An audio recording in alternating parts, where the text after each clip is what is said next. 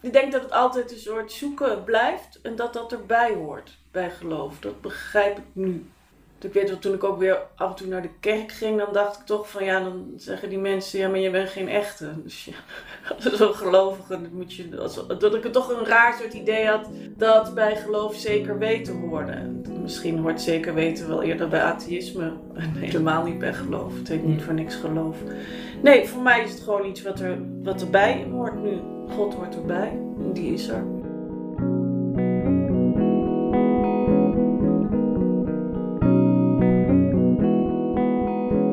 Leuk dat je luistert.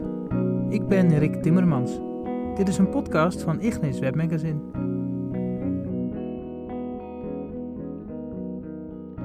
Dit is het omslag. Een spade in de grond en een titel die uit de aarde opstijgt. De terugkeer. Esther Gerritsen schrijft, of schreef, romans, korte verhalen, een boekenweekgeschenk, toneelstukken, columns, essays en scenario's voor films en één voor een televisieserie. Ze maakt intense verhalen over het kleinmenselijk tobben, streven, falen. De terugkeer is een kluwen van moeizame familiaire relaties, onbegrip, frustratie, onderkoelde woede. Er is een depressieve vader die sterft, een moeder met beginnende dementie, een getraumatiseerde zoon die verwond is door een loyaliteitsconflict en een dochter die buitenspel is gezet, maar alles in het werk stelt om de feiten te achterhalen. Esther Gerritsen heeft zichzelf heerlijk materiaal gegeven om eens flink mee uit te pakken. Maar er zit een bepaalde drift in het boek die verraadt dat je ja, eigenlijk tamelijk veel plezier hebt gehad in het schrijven van deze roman. Klopt dat? Ja, dat klopt wel, ja. ja. Ik ging hem ook schrijven nadat ik heel lang aan die televisieserie had gewerkt. En dan die televisieserie even? Oh, Red Light. En, ehm, en dan moet je natuurlijk met, uh, dan werk je met heel veel mensen samen. Dus je moet met heel veel mensen rekening houden. Of, je, je, werkt gewoon samen. En, maar ook met als je iets schrijft, kunnen we dit filmen? Of kunnen we dit betalen? Noem het maar op. Dus toen voelde ik me zo vrij toen ik een boek ging schrijven, weer. Toen dacht ik, nou, dan doe ik ook alles waar ik zin in heb. Hmm. Dus, uh, dus, dus, ik werd soms een beetje melig. Of dan had ik, uh, nou ja, ik heb dus in, ook een, een, een, een, iemand die dood is, die af en toe wat zegt. En God roept nog eens wat. En het gevoel alsof ik aan het spelen was. Het is wel een beetje een treurig verhaal. Ja. Zo. De openingsscène zet wel de toon. Die depressieve Gerrit die de bank afkruipt naar de ja. koelkast toe. De moeder zit aan tafel, doet niks. Zijn vrouw dus. Ja. Zoon kijkt vanaf de trap of vanaf de gang toe. Ja. Versteend. Hopend dat hij niet gezien wordt door zijn vader. en eigenlijk wordt het niet veel beter de rest van het boek. Nou ja, dit is eigenlijk zijn slechtste, zijn slechtste herinnering. Het is eigenlijk een herinnering van Max, de zoon. Zijn slechtste herinnering uit zijn jeugd bijna. Mm En vlak daarna komt zijn beste herinnering. Want hij ziet hoe ongelukkig zijn vader is. Hij ziet dat zijn moeder er niet meer tegen kan. En niet ingrijpt en hem niet helpt. Waardoor hij zich realiseert, nou dus je mag dit gewoon erg vinden. Je hoeft niet hem te gaan redden. Want mijn moeder vindt dit ook vreselijk en ik ook.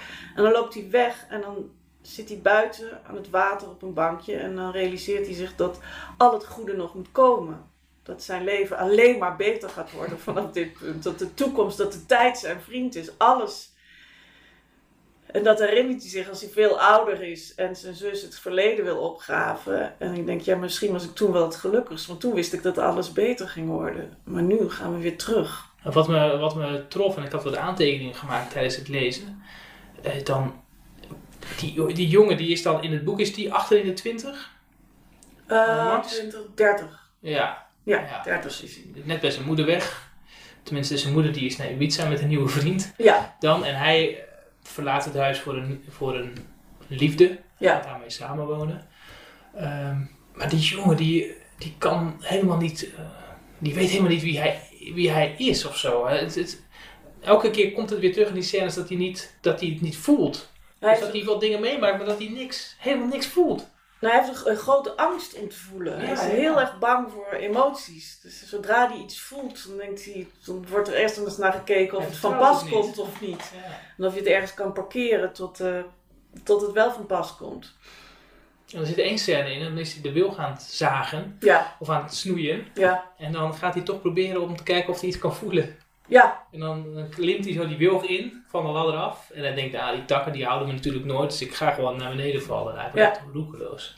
Ja, Alleen dan ontdekt hij van, hé, hey, wacht eens even, als ik dit doe, gebeurt er gewoon er helemaal niks. gewoon nog steeds Ja. niks, ja. Dus eh, er, er zit wel ontwikkelingen in eh, dat gevoelsleven van hem, maar Ja, het is het ge- natuurlijk- gedempt. hij is heel erg, gaat eh, helaas heel erg zijn vader achterna. Omdat hij zo, ja, is bang om iets te voelen. Of neemt zijn eigen gevoelens niet serieus. Maar dat, dat doet hij al van kind af aan, omdat hij naar zijn vader kijkt. En ja, die heeft het, die heeft het pas moeilijk. Ja. Maar waarom, waarom, waarom zo'n verhaal met zoveel zwaarte en moeilijke... Per, eh, moeilijke Nou, ik vind, ik vind een depressie, iets, dat vind ik wel interessant. Ik hoe kan het toch dat een mens... Aan de ene kant vind ik het wonder dat we allemaal elke dag weer opstaan, dat je er zin in hebt. En aan de andere kant is het ook wonderlijk als je echt helemaal niks meer wil. Dus het leek, ik wilde heel graag zoiets beschrijven hoe het is, om, hoe, hoe het voelt als je gewoon de, de, de kracht niet meer kan opbrengen om van je bank op te staan. Maar ik wilde dat ook niet al te, al te lang beschrijven. En dan werd ik te ellendig. Dus ik vond het ook heel fijn om dan hup, van perspectief te wisselen. En iemand daarna te laten kijken. Te denken, oh nee, ik kan hier niet meer tegen. Nou, het is natuurlijk iets waar je niet een hekel aan mag hebben. Want dat je een depressie daar kunnen mensen, daar kan een mens niets aan doen. Maar het is natuurlijk afschuwelijk, ook voor de, voor de mensen eromheen. Is het iets waar- waarin je put uit eigen ervaring? Ja, ik kan wel, wel diep, diep zinken, ja. Dagenlang niet van de bank afkomen? nou, dat daarbij? niet. Nee, ik ben, ik, ben, ik, ben, ik ben wel heel plichtsgetrouw. Maar dan Ah, opstaan, ja. je hebt ook een kind. Ja, dat scheelt ook. Regelmaat, ritme, Dat moet je wel ook opstaan. natuurlijk, hè? Ja, Gerrit, ja, die, ja, die vrouw die voor de kinderen kon zorgen. Ja, die een jonge vrouw die voor zijn kinderen kon zorgen. Ja. Nee, hij is er wel wat erger aan toe. ja. Nee, maar bij mij, ja, ja reg- regelmaat en ritme. Ik ben altijd het slechtst in de zomervakantie. ja, want als je als schrijver heb je natuurlijk alle vrijheid. eh, Ja, eigenlijk. Hè? Ja. Ik bedoel, het- het is allemaal niet, maar als je, neem aan, als je een periode blokt om een boek te schrijven, Ja. dan is er gewoon één grote leegte. Ja, je hebt veel tijd. Ja. Nee, maar als je te veel tijd hebt, dat werkt niet. Oh, nee. Dan, eh, dan eh, Een paar uurtjes per dag. een paar uurtjes per dag. Ja, en het is heel goed dat, dan, dat je dan dat je kind van school moet halen of die gaat nu zelf. Maar Ja. ja. Anders komt er helemaal niks. Heb je ook een soort van druk van, nou, eh, werkt het dan? Ik wil om, om 12 uur als mijn kind moet ophalen woensdagmiddag, Ja, wil ik eh 800 woorden hebben geschreven. Ja. Werkt het zo? ja. Ja, en dat doe ik dan, of dat probeer ik dan. En als ik die 800 niet heb gehaald, dan moet ik er de volgende dag meer. Ja? Ja, nee, ik maak ook wel schema's met, omdat, omdat het zo onoverzichtelijk is van wanneer mag je nou eh, stoppen? Wanneer heb je nou pauze? Heb je nou genoeg gedaan op een dag om een boek over een jaar af te hebben? Het is Mhm. zo ongrijpbaar, dus ik verzin dan, nou dat moet ongeveer 200 bladzijden worden, dat is zoveel woorden, dan nou ja. Ja, dat weet je nu inmiddels zo. Ja, en dan verzin ik dat, maar vooral niet omdat het, om, om het zelf te stimuleren, maar om mezelf te stoppen. Zodat ik dan weet, oh je hebt nu genoeg geschreven, nu mag je pauze houden, een boek lezen, boodschappen doen. Ehm, ja, je vorige boek, tenminste eh, misschien, want ja, er valt nog wel heel veel meer over het te zeggen, maar het, ja, het einde is, ja, het boek is sowieso, ik vond het echt, het is ook zo geestig zo nu en dan. Vooral die dialoogjes die hij dan heeft met God en dan, dan vloekt hij een keer heel hard in de hemel en dan God zo'n antwoord. Maar, Hoe moet dat nou? maar de man was ook eh, bij leven atheïst en dan is hij toch daarin. Ja, dat vond ik zelf heel erg leuk. Ja, dat een atheïst Dat in de hemel komt. En het is een hele, hele beleefde man. Dus hij wil ook niet onbeleefd doen, omdat hij zo gastvrij door God wordt ontvangen. Ja, nou ja, dat kan maar toch maar zo, hè. Ehm, ja, je andere boek, De Trooster. Want ik heb, eh, ik heb voordat ik dit interview eh, eh, heb gedaan, heb ik dus drie boeken van je gelezen. Ik heb, Ja. Daarvoor had ik gek genoeg niks gelezen. Ik had zelfs niet Broer gelezen. Dat heb ik dus nog steeds niet. Maar dat is het boekenwerk geschreven, Ja. dus dat, dat heet, het ligt overal. Ehm, en Roxy heb ik ook gelezen. Oh ja.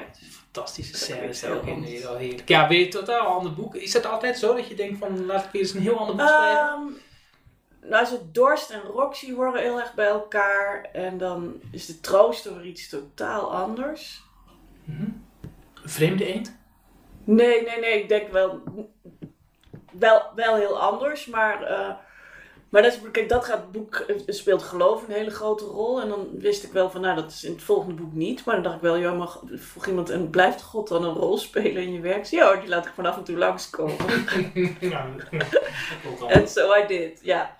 Ja. Maar dit was natuurlijk heel extreem, de trooster een hele andere kant op. Maar niet een vreemde eend, het hoort wel echt bij mij. Ja. Heel erg, ja. Oh, en, en waarom zeg je dat zo stellig?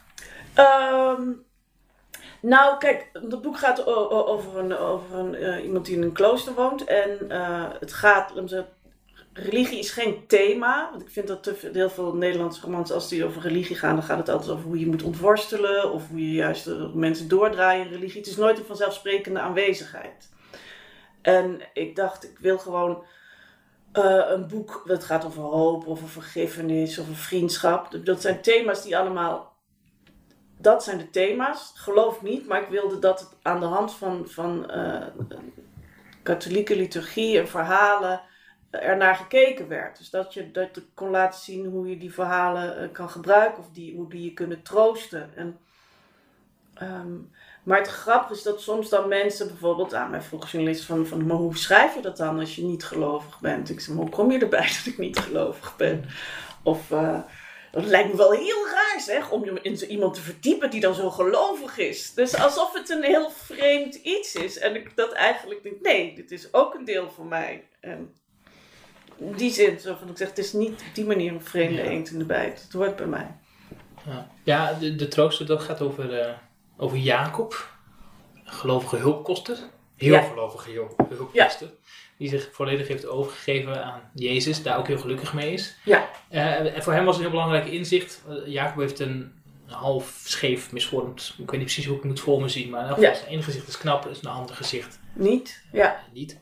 Ehm, maar dan staat hij voor de spiegel en dan beseft hij, ik hou meer van mezelf dan dat andere mensen van mij houden. En dat komt ook, dat, die liefde voor zichzelf komt ergens ook voort uit de blik van, van de ander, van God die naar hem kijkt en die hem, ja, die van hem houdt. En daar geeft hij eigenlijk, aan die liefde geeft hij Ja. dan eigenlijk de rest van zijn leven. Ja. Ja? Ja, hij zegt, ik ben, als ik naar mezelf kijk in de weet je, dan ben ik geluk, pre- precies zo gelukkig, met, helemaal gelukkig met mezelf. Dan is het helemaal goed.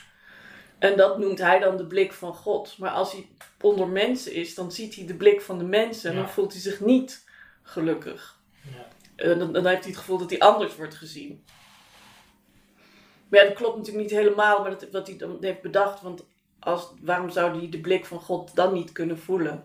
ja, Dat kan natuurlijk ook. ja, Maar dan, dan, dan, dan overstemmen, of dan, dan, dan zijn die blikken van andere mensen, dat vindt hij, dat vindt hij moeilijk. ja, hij denkt, misschien dat hij daar het klooster nodig heeft om die andere blik ook te blijven zien. ja, en, en ook, maar ook weer niet te veel dan, want dat is natuurlijk wel een overzichtelijkere wereld. Ja.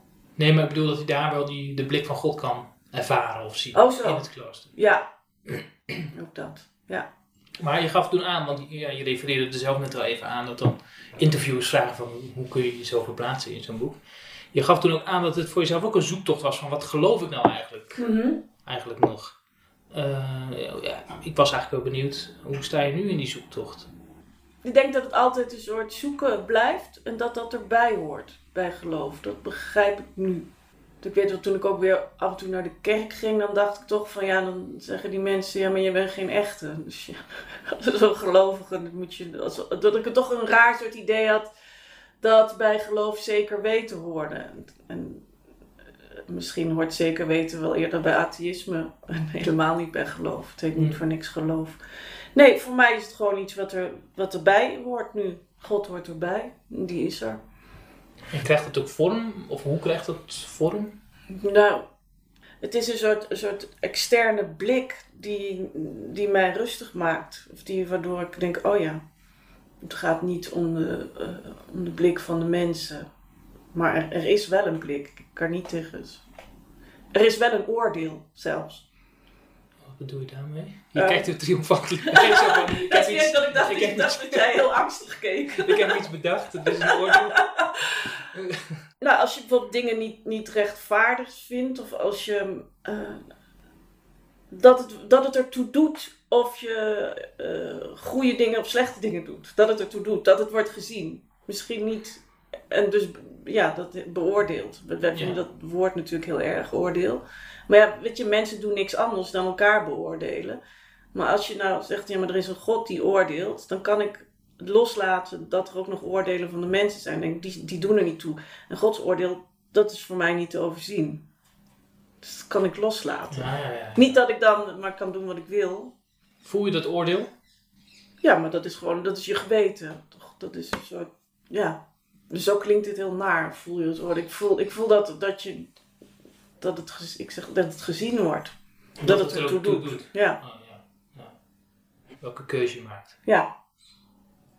Nou, je hebt natuurlijk ook niet altijd het overzicht, of heel vaak niet het overzicht over de consequenties van je keuze. Nee, helemaal niet. Nee. Maar ja, we hebben toch, het is toch interessant dat we allemaal, de meeste van ons, toch een geweten hebben. De meeste van ons. Sommigen hebben gewoon een niet zo goed ontwikkeld geweten misschien. Dat Ja, kan natuurlijk allerlei oorzaken. Dat heeft natuurlijk allerlei oorzaken.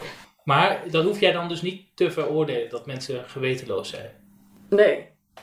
Dan kan ik wel een mening hebben of hebben of een idee. Moet ik dat veroordelen? Nee, wie ben ik? Ja. Nou, ja. Ja, als mensen dingen doen waar andere mensen pijn van hebben, mag je daar wel wat, mag je best ingrijpen natuurlijk. Ja, en dat ook aanklagen. Op dat, ja. Dan spreek je dan namens God eigenlijk. Nee, Nou, als je zegt dat hij het oordeel heeft. Nee, Die, die heeft het overzicht. Wij, wij, wij modderen een beetje aan. Je moet natuurlijk wel een beetje je best doen. En nou, als er iemand naast je wordt neergeslagen, dan neem ik aan dat je toch. dat je niet doorloopt en zegt: God zal oordelen. Toedeloe. Ja, ja maar oké. en dan maar God zal oordelen ooit dan? Of heb je Ik heb geen een idee. Nee, nee. Dat vind ik ook niet meer erg. Nee, geen idee. Maar Maar dan, het zal wel gebeuren. Dat, dat is. eh, het wordt gezien. Ja, Dat hoop je. dat geloof ik. Ja. Dus ja, oké, maar eventjes terug. Die zoektocht voor jou, je zegt, nou, nu weet ik eh, dat het eh, een soort van nooit ophoudt. Mhm. Hè? Dus er komt geen moment van, ik ben gelovig. Is dat het dan? Dat je het zeker weet of zo? Nee, nee, nee, nee, dat komt niet. Nee. Dat dan... Of dat is dan zo. Ik geloof, met geloof is het niet iets wat je. Dat ik altijd zeg, het is niet iets wat je bent, het is iets wat je doet. Tegen beter weten in. Natuurlijk slaat het nergens op en is het heel raar. Daarom is het ook zo- zo'n goed product. Was dat Wittgenstein of zo? Als iemand ooit, ooit eh, het bestaan van God eh, bewijst, that would eh, spoil it all of zo. dat is de hele essentie weg. Nee, maar het is iets wat je doet. Nee, Ja. als je iemand het bewijzen, bewezen heeft, dan kun je er ook in bij wijze van spreken niet meer omheen. Dan moet je wel. Nou, dan, Dan- doe, dan dan- doe ik niet meer mee. Nee, dat kan dus ook niet, want dan word je op de knieën gedwongen haast. Ja, En nu is er vrijheid. ja. Ja, daarom is het ook een actie, iets wat je doet. Je kiest er ook voor. Ja, want je doet, ja. Of als je, als je, als je bidt, wat natuurlijk een helemaal een, een soort bizarre... Tegen wie doe je dat dan? Dat is dan toch iets buiten jezelf. Is dat, ben jij een biddend mens? Nee, niet veel hoor. Maar zo heel af en toe. Maar dan moet ik gewoon even heel rustig... eh, dan zeg ik, oké, dan geef ik het even over aan God, zeg het maar. En dan? Ja, dan weet je toch wel wat je moet doen daarna. Ja. De ander zou dat noemen dat je bij jezelf te raden gaat. Maar, Maar is dat hetzelfde? nou, het is, weet ik niet. Het is, in ieder geval, het is wel te stoppen met denken. Dan denk ik, oké, ik kom er, niet meer, ehm, kom er niet meer uit. Dus ik geef het over. Dit is een soort loslaten van je denken. En het niet aan je vrienden vragen, of je familie of je moeder. Maar oké, ik laat los, ik geef het over. Wat moet ik doen? Laat maar, laat me horen. En eh, voor, daar blijf ik even bij mezelf, want bij mij speelt die, eh, de, eh, de persoon, de figuur van Jezus dan daarin best een belangrijk Ja, rol als soort tegenover, als, als grote uitdager, als, als, nou ja, als koploper bij wijze van spreken. ja, ja. Om je dan toch aan te, hè, want je zegt dan we modderen maar wat aan, dat is natuurlijk ook zo. Ja, Alleen, ja, zo, zo, het geloof kan je toch ook, tenminste, de, de illusie misschien ook wel geven hoor, maar ook wel het idee geven dat je toch daarboven boven jezelf kan uitstijgen. Zoals, Ja. ja, zoals Jezus, hoe hij met de mensen omging. Ja, maar ik vind dat de last. Want ik had als kind keek ik, de- was dat voor mij een beeld van je moet zijn zoals Jezus. Nou, dan, daardoor wilde ik op een gegeven moment niets meer met het geloof te maken hebben, want dat, dan faalde ik elke dag. En je nam dat vrij letterlijk. Ja. Zoals een soort, soort scout van dan moeten we vandaag drie goede daden doen. Nee, Ja, nou, Jezus stond ook zo echt in het leven van, ik sta op en ik ga vandaag drie, drie goede daden doen. Ja, ja, dan ging ik eerst, eerst een paar, paar vliegen uit de regenton redden. Probeerde geen ruzie te maken met mijn broer. Nou, dat lukte dan weer niet. Nou ja, noem tot de maar lunch.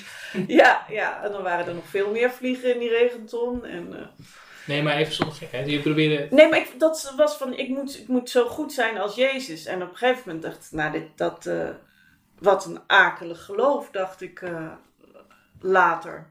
Dacht, dat kan helemaal niet. Dat betekent dat je elke dag eh, niet goed genoeg bent. En toen later dacht ik, nee, je moet, je moet dat niet zo zien. Je moet niet, Jezus juist niet als een voorbeeld zien. Ik bedoel, iemand die zegt ik sterf voor de zonde van iedereen, dat, dat is toch geen voorbeeld? Dat kan. Nee, nee, nee, in dat opzicht niet. Dat, het is te groot. Dus het is, want ik vind hem wel heel inspirerend. Maar dan meer als van wij moeten zijn zoals de apostelen. Zoals de vrienden van Jezus die niet, die in slaap vielen de Mhm. nacht voor die stierf. En die zeiden, willen jullie bij mij zijn? Willen jullie... En, en ja, ja, wij blijven wakker. En dat doen ze niet. Mhm. Ik denk, dat is alles wat wij kunnen doen. Eh, proberen wakker te blijven voor, voor eh, wanneer je nodig bent. Maar dat is, dat is maar niet, Jezus is te, is te veel. Is te veel. Ja, ja, ja. Maar dan wel, weet je, maar net als, en als je, en, en het grap wat ik aan het paasritueel heel mooi vind, is als je, als je alsnog Jezus herdenkt, eh, of eert, dan denk ik dat is een manier om alsnog te waken die nacht. Alsof je hem alsnog een steun geeft. Dus het is wel dat die, die, die Jezus eh, inspirerend is, maar niet als voorbeeld.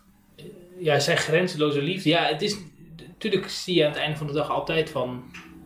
Ik had veel meer liefde willen geven of zo. Ja, maar dat, dat wel. Dus- dus- maar voor mij is het een soort van haakje om het toch maar dan niet op te geven of zo. Ja? Om, om toch verder te groeien misschien. Of om mezelf een beetje uit te dagen. Van ga nog toch een beetje een stapje verder. Nou, ik had er alleen maar, ja, ik had er juist last van. Maar dan, ik heb Mm. meer dan op een gegeven moment geleerd dat ik dacht, moet, aan het eind van de dag moet je tegen jezelf zeggen, ik heb mezelf weer vijf keer vergeven. Nou ja, Zo beetje Maar- dwangmatig. Ja, weet je wel. Maar, Maar is het dan, want dat was het geloof van je jeugd. mhm. Dat, dat, laat je dat dan los of groei je daaruit? Hoe, hoe is nou dat eerst dan? wilde ik daar dan helemaal niets meer mee te maken hebben. Omdat ik dan dacht, ik heb er alleen maar last van. Kwam dat door Jezus of kwam dat door... Ik denk hoe ik dat interpreteerde. Maar kijk, als je, eh, we waren wel katholiek van huis uit, maar niet dat we daar dan veel aan deden, maar wel katholieke school en iedereen is communie en vormsel. Dus, je, dus de heel vanzelfsprekende, de liturgie en de, de, de, de rituelen zijn er. Maar in principe had je geen gesprek over geloof. Nee, nee, nee, nee. Dus ik weet niet of dat iets met geloof te maken heeft. Hm. Ik denk, weet je, dat iedereen in mijn jeugd was, denk ik, iedereen, alle kinderen in mijn klas waren allemaal gelovig, zogenaamd. Of vanzelfsprekend. Ja. Niemand die ooit, we hebben geen discussie gehad bij de, bij de, bij de Bijbelles of bij de communie, weet je, die doet gewoon mee. En dan, bij wijze van spreken, op je dertigste zijn al die mensen ongelovig. En dat heeft ook niks met geloof te maken. Mhm. Want dat is weer, dat is dat, dat het nieuwe normaal. Heb je die gesprekken nu? Nou, heel af en toe, met, vanwege mijn boek. Of vanwege mijn werk met mensen. Maar ik heb nauwelijks vrienden die gelovig zijn. Dus eh, daar hebben we het ook niet echt over. Nee, meer dat ik er zelf af en toe over schrijf en ermee bezig ben. Maar ik vond het wel toen ik...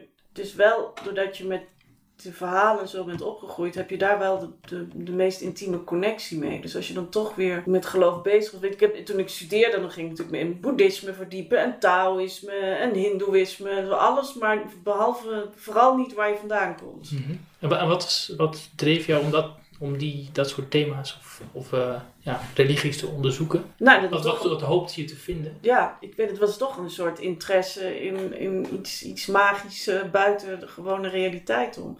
Iets wat je ook, eh, kwam het uit je eigen leven voort? Zeg maar iets wat je... Ja, dat wel iets wat ik zelf allemaal wilde weten, wat me interesseerde, ja. En toen pas later dacht ik, ja, kan, het, kan ik het niet beter gewoon bij mijn eigen afkomst je zoeken? eigen wortels. Ja, en toen ik dat boek ging schrijven, De Trooster, toen dacht ik ook, oh, dat heb ik, dan heb ik een mooi excuus om de Bijbel eens goed te lezen. Mhm. Dus een research, maar dan, research was het excuus. Dus ik nou, dan kan ik Mhm. eens een keer echt, maar er zijn zoveel mensen die zeggen, ik wil de Bijbel nog eens een keer goed lezen. Maar dan komt het natuurlijk nooit van. Nee, nee, nee. ja. Dat heb je toen wel gedaan. Ja, dus ik had het heerlijk en, eh, om me daar nu eens echt in te verdiepen. Mhm. En ook omdat al die verhalen, die, die, die, die, die resoneren natuurlijk heel erg in je hoofd, omdat je toch allemaal eerder hebt gehoord. En dan denk ik dat je daardoor een, een intiemere relatie kan krijgen met de, met de religie waar je mee bent opgegroeid. Dan met iets wat je helemaal nieuw moet leren kennen. Ja, wat toch iets van dan vreemd blijft misschien. Ja, terwijl ik, ik geloof dat het allemaal hetzelfde is. Ik geloof echt dat, dat weet je, of je nou Krishna, Boeddha of God of Allah, dat is voor mij, eh, maakt niks uit. Maar Alleen voor jou is de connectie er makkelijker mee te maken via die verhalen uit Ja. het christendom. Ja, maar ik denk ook dat je, ja, en, en als je binnen de verhalen waarmee je bent opgegroeid, kun je ook meer verbinden met mensen uit andere culturen die met andere verhalen zijn opgegroeid. Want dan kan je tenminste begrijpen dat iemand vasthoudt aan verhalen die misschien heel vreemd zijn, maar waar je mee bent opgegroeid. Ja, ja, ja. Maar eigenlijk zeg je dus ook dat je... Nou, vroeger ging je dan wel eens bij naar de kerk.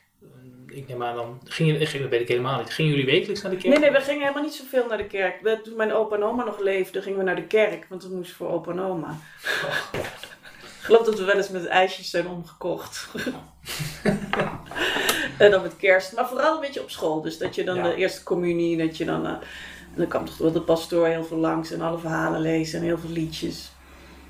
Maar geloof is eigenlijk iets wat pas veel later dan... Of ben je Nou, gaan geloven toen je, ging, toen je dat boek aan... Toen je die research Nou, deed? daarvoor al. Nee, maar als kind ging ik, weet je, en als kind ging je dan wel bidden en zo. Maar dat was ook, ja, dat is zo. En dan deed ik de groeten aan iedereen in de hemel. Oh ja.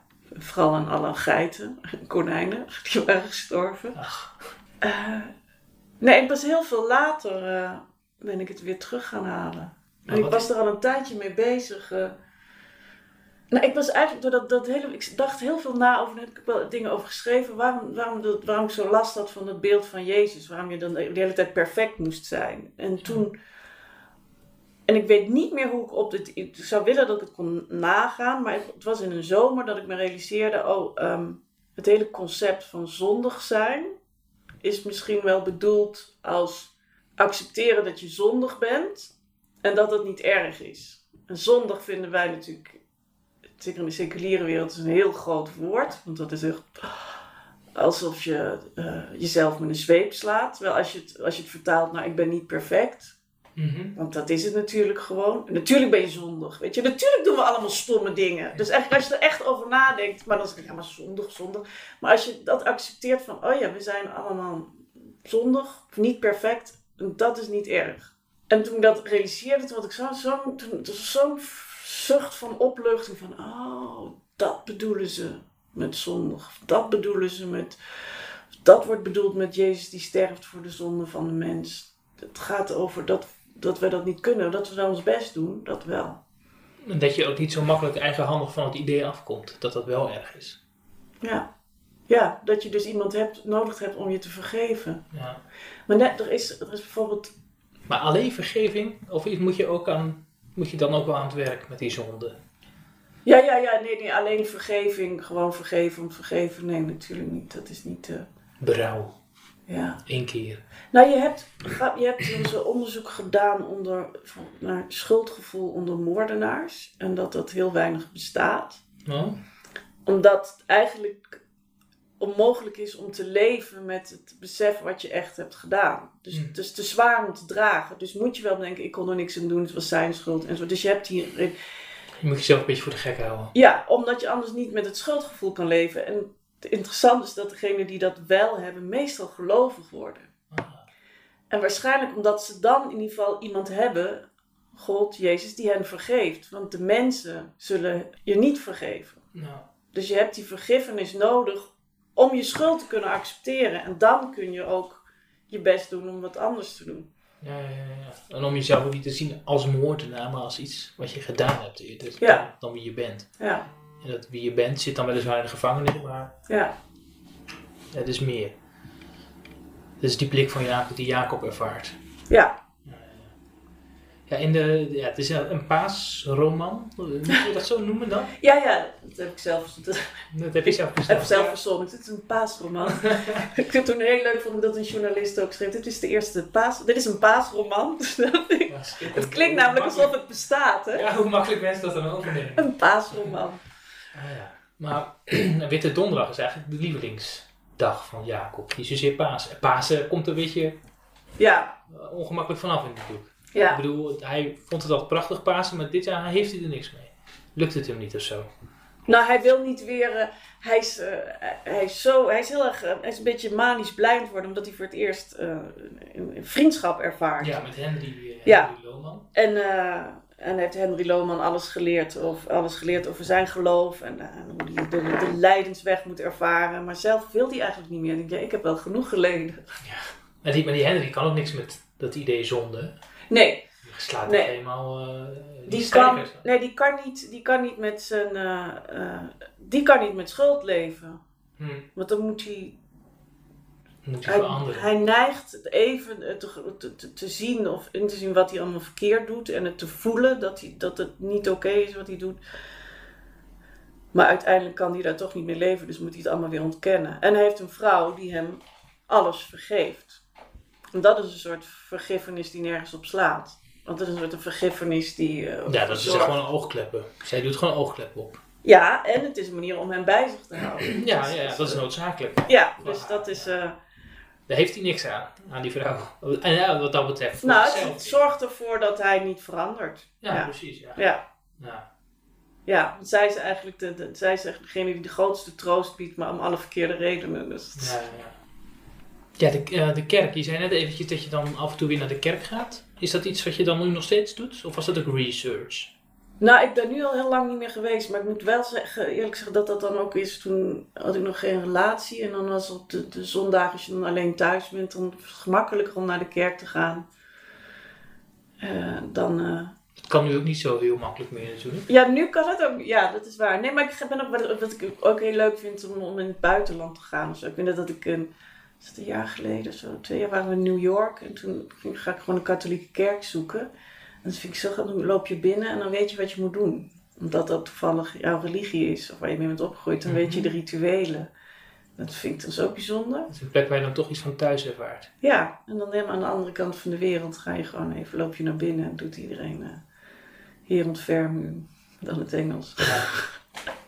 Ja, dat vond ik wel. eh, ja, dus heel af en toe, als het. Ik, ja, kan ook wel eens. eh, maar het gebeurt te weinig. Want ik word er eigenlijk altijd heel gelukkig van als ik er dan vandaan kom. En, en mis je dan ook niet, want die zegt ja, ja, gesprekken over geloof met mensen, dat heb ik eigenlijk niet. Dus het is iets wat je heel persoonlijk beleeft. Eh, mis je dan misschien zo'n gemeenschap ook? Of denk je van, eh, van het, het is- Mm. ik kan het zo prima in mijn eentje? Nee, ik geloof niet dat ik dat erg mis. Ik vind wel. Nee, want kun je, je hebt toch het idee, je hebt het verticale geloof en het horizontale geloof. Verticaal is je band met God en Ja. horizontaal is je band met de gelovige gemeenschap. Ja. Nou, horizontaal is het dus behoorlijk shit hier. Verticaal zit het prima. Maar ehm, wat ik wel soms raar vind in de literaire wereld, kunstwereld, dat ze dan dat religie in principe iets is wat je, wat je belachelijk maakt. Dus ik mag, je mag over een grap over maken hoor, dat vind ik niet erg. Maar als, als je dan iets over religie zegt, dan is het al snel, oh, ben je in de heren? En dan Van, of, oftewel, weet ik veel, ben je gek geworden? Daar komt het meestal op neer. Ja, Dat ik dacht dat de vanzelfsprekendheid van dat religie gewoon een onderdeel is. eh, weet je, als, als, de postbode, als ik de postbode een kerst, eh, kersttip geef voor je, weet je, en hij zegt, oh, thank you, God bless you. Ja, Mhm. ik vind het geweldig. En, eh, maar als het dan zo'n heel vanzelfsprekende aanwezigheid is, dan is het leuk. Maar ik weet niet of ik er echt gesprekken over zou willen voeren. Ja, misschien is het wel leuk. Misschien eigenlijk wel. Nou ja. Ja, het kan wel voor verdiepen of eh, aanscherpen. En er zijn natuurlijk wel meer. Eh, in Nederland zijn er al een heleboel schrijvers eigenlijk wel Ja. die gelovig zijn, toch? Terwijl ik af en toe, van, nu ben ik een boek van uh, How to Pray, van, van uh, allemaal stukken van, van uh, Lewis, die is dat? Heb ik nou de naam? Ik ben er erg met namen. Uh, Nou, dat zou goed kunnen. ja, dat lees ik dan, maar dat is dan ook bijna, hetzelfde het boek How to Pray is een manier van bidden bijna. Omdat ik het dan even niet weet en dan ga ik wel zeker, als ik, of als ik onrustig ben of niet goed voel of niet weet wat ik zoeken moet, dan ga ik zo'n boek lezen. En dan denk ik, ah ja, dan word ik wel weer heel gelukkig. Ja. Iemand, een intelligent iemand Mhm. over religie te lezen. Over jouw geloof. Ja. Is het dan ook dat je jezelf, als mensen, als je dat zou moeten doen, een soort voorstelrondje, dat je zelf zegt, eh, ik ben christen? Hm, nee. Nee, om er nou zo'n identiteit van te maken. Nou, maar het, misschien als, ik, als je het ergens zou moeten, als je multiple choice eh, Ja. hebt, ja, dan zou ik het moeten invullen, dan eh, zou ik hem er wel bij zetten, ja. Ja.